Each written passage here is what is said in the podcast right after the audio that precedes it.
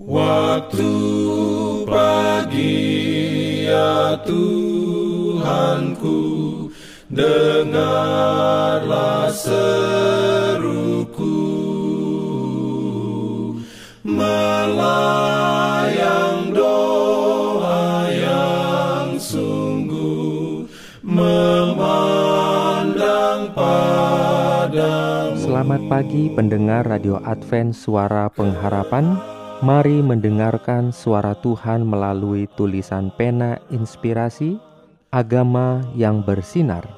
Renungan harian 19 Desember Dengan judul Kita akan senang terhadap dia sepanjang kekekalan. Ayat inti diambil dari Yesaya 58 ayat 14 Firman Tuhan berbunyi, maka engkau akan bersenang-senang karena Tuhan, dan aku akan membuat engkau melintasi puncak bukit-bukit di bumi dengan kendaraan kemenangan. Aku akan memberi makan engkau dari milik pusaka Yakub, bapa leluhurmu, sebab mulut Tuhanlah yang mengatakannya. Dalam pimpinannya Urayanya sebagai berikut pusaka yang telah dijanjikan Allah kepada umatnya tidak terdapat di dalam dunia ini. Semua orang yang menjadi milik Kristus adalah keturunan Abraham dan berhak menerima janji Allah. Pewaris kepada suatu bagian yang tidak dapat binasa, yang tidak dapat cemar, dan yang tidak dapat layu. Bumi yang bebas dari kutuk dosa.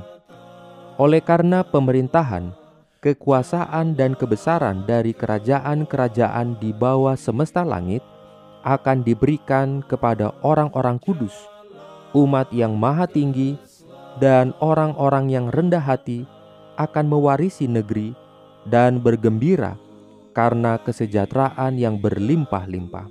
Anda harus berada di sana. Kehilangan apa pun Anda di sini, bertekadlah untuk memastikan hidup yang kekal. Jangan pernah putus asa. Hiduplah bagi Yesus. Carilah dengan sungguh-sungguh mahkota kehidupan. Pandanglah Yesus.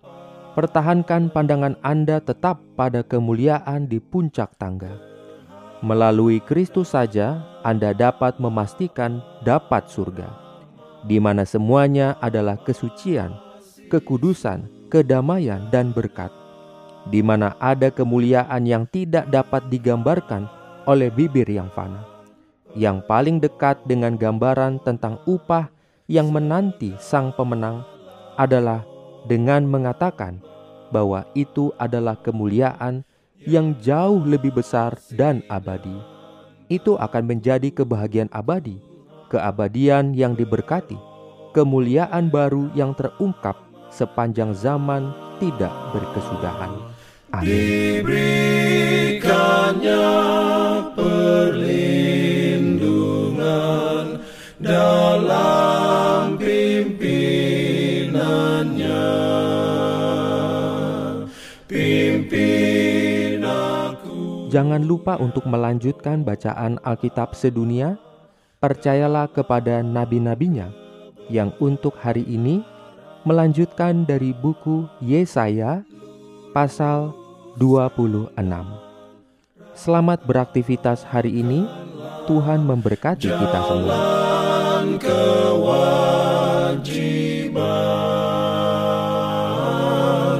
jalan keselamatan.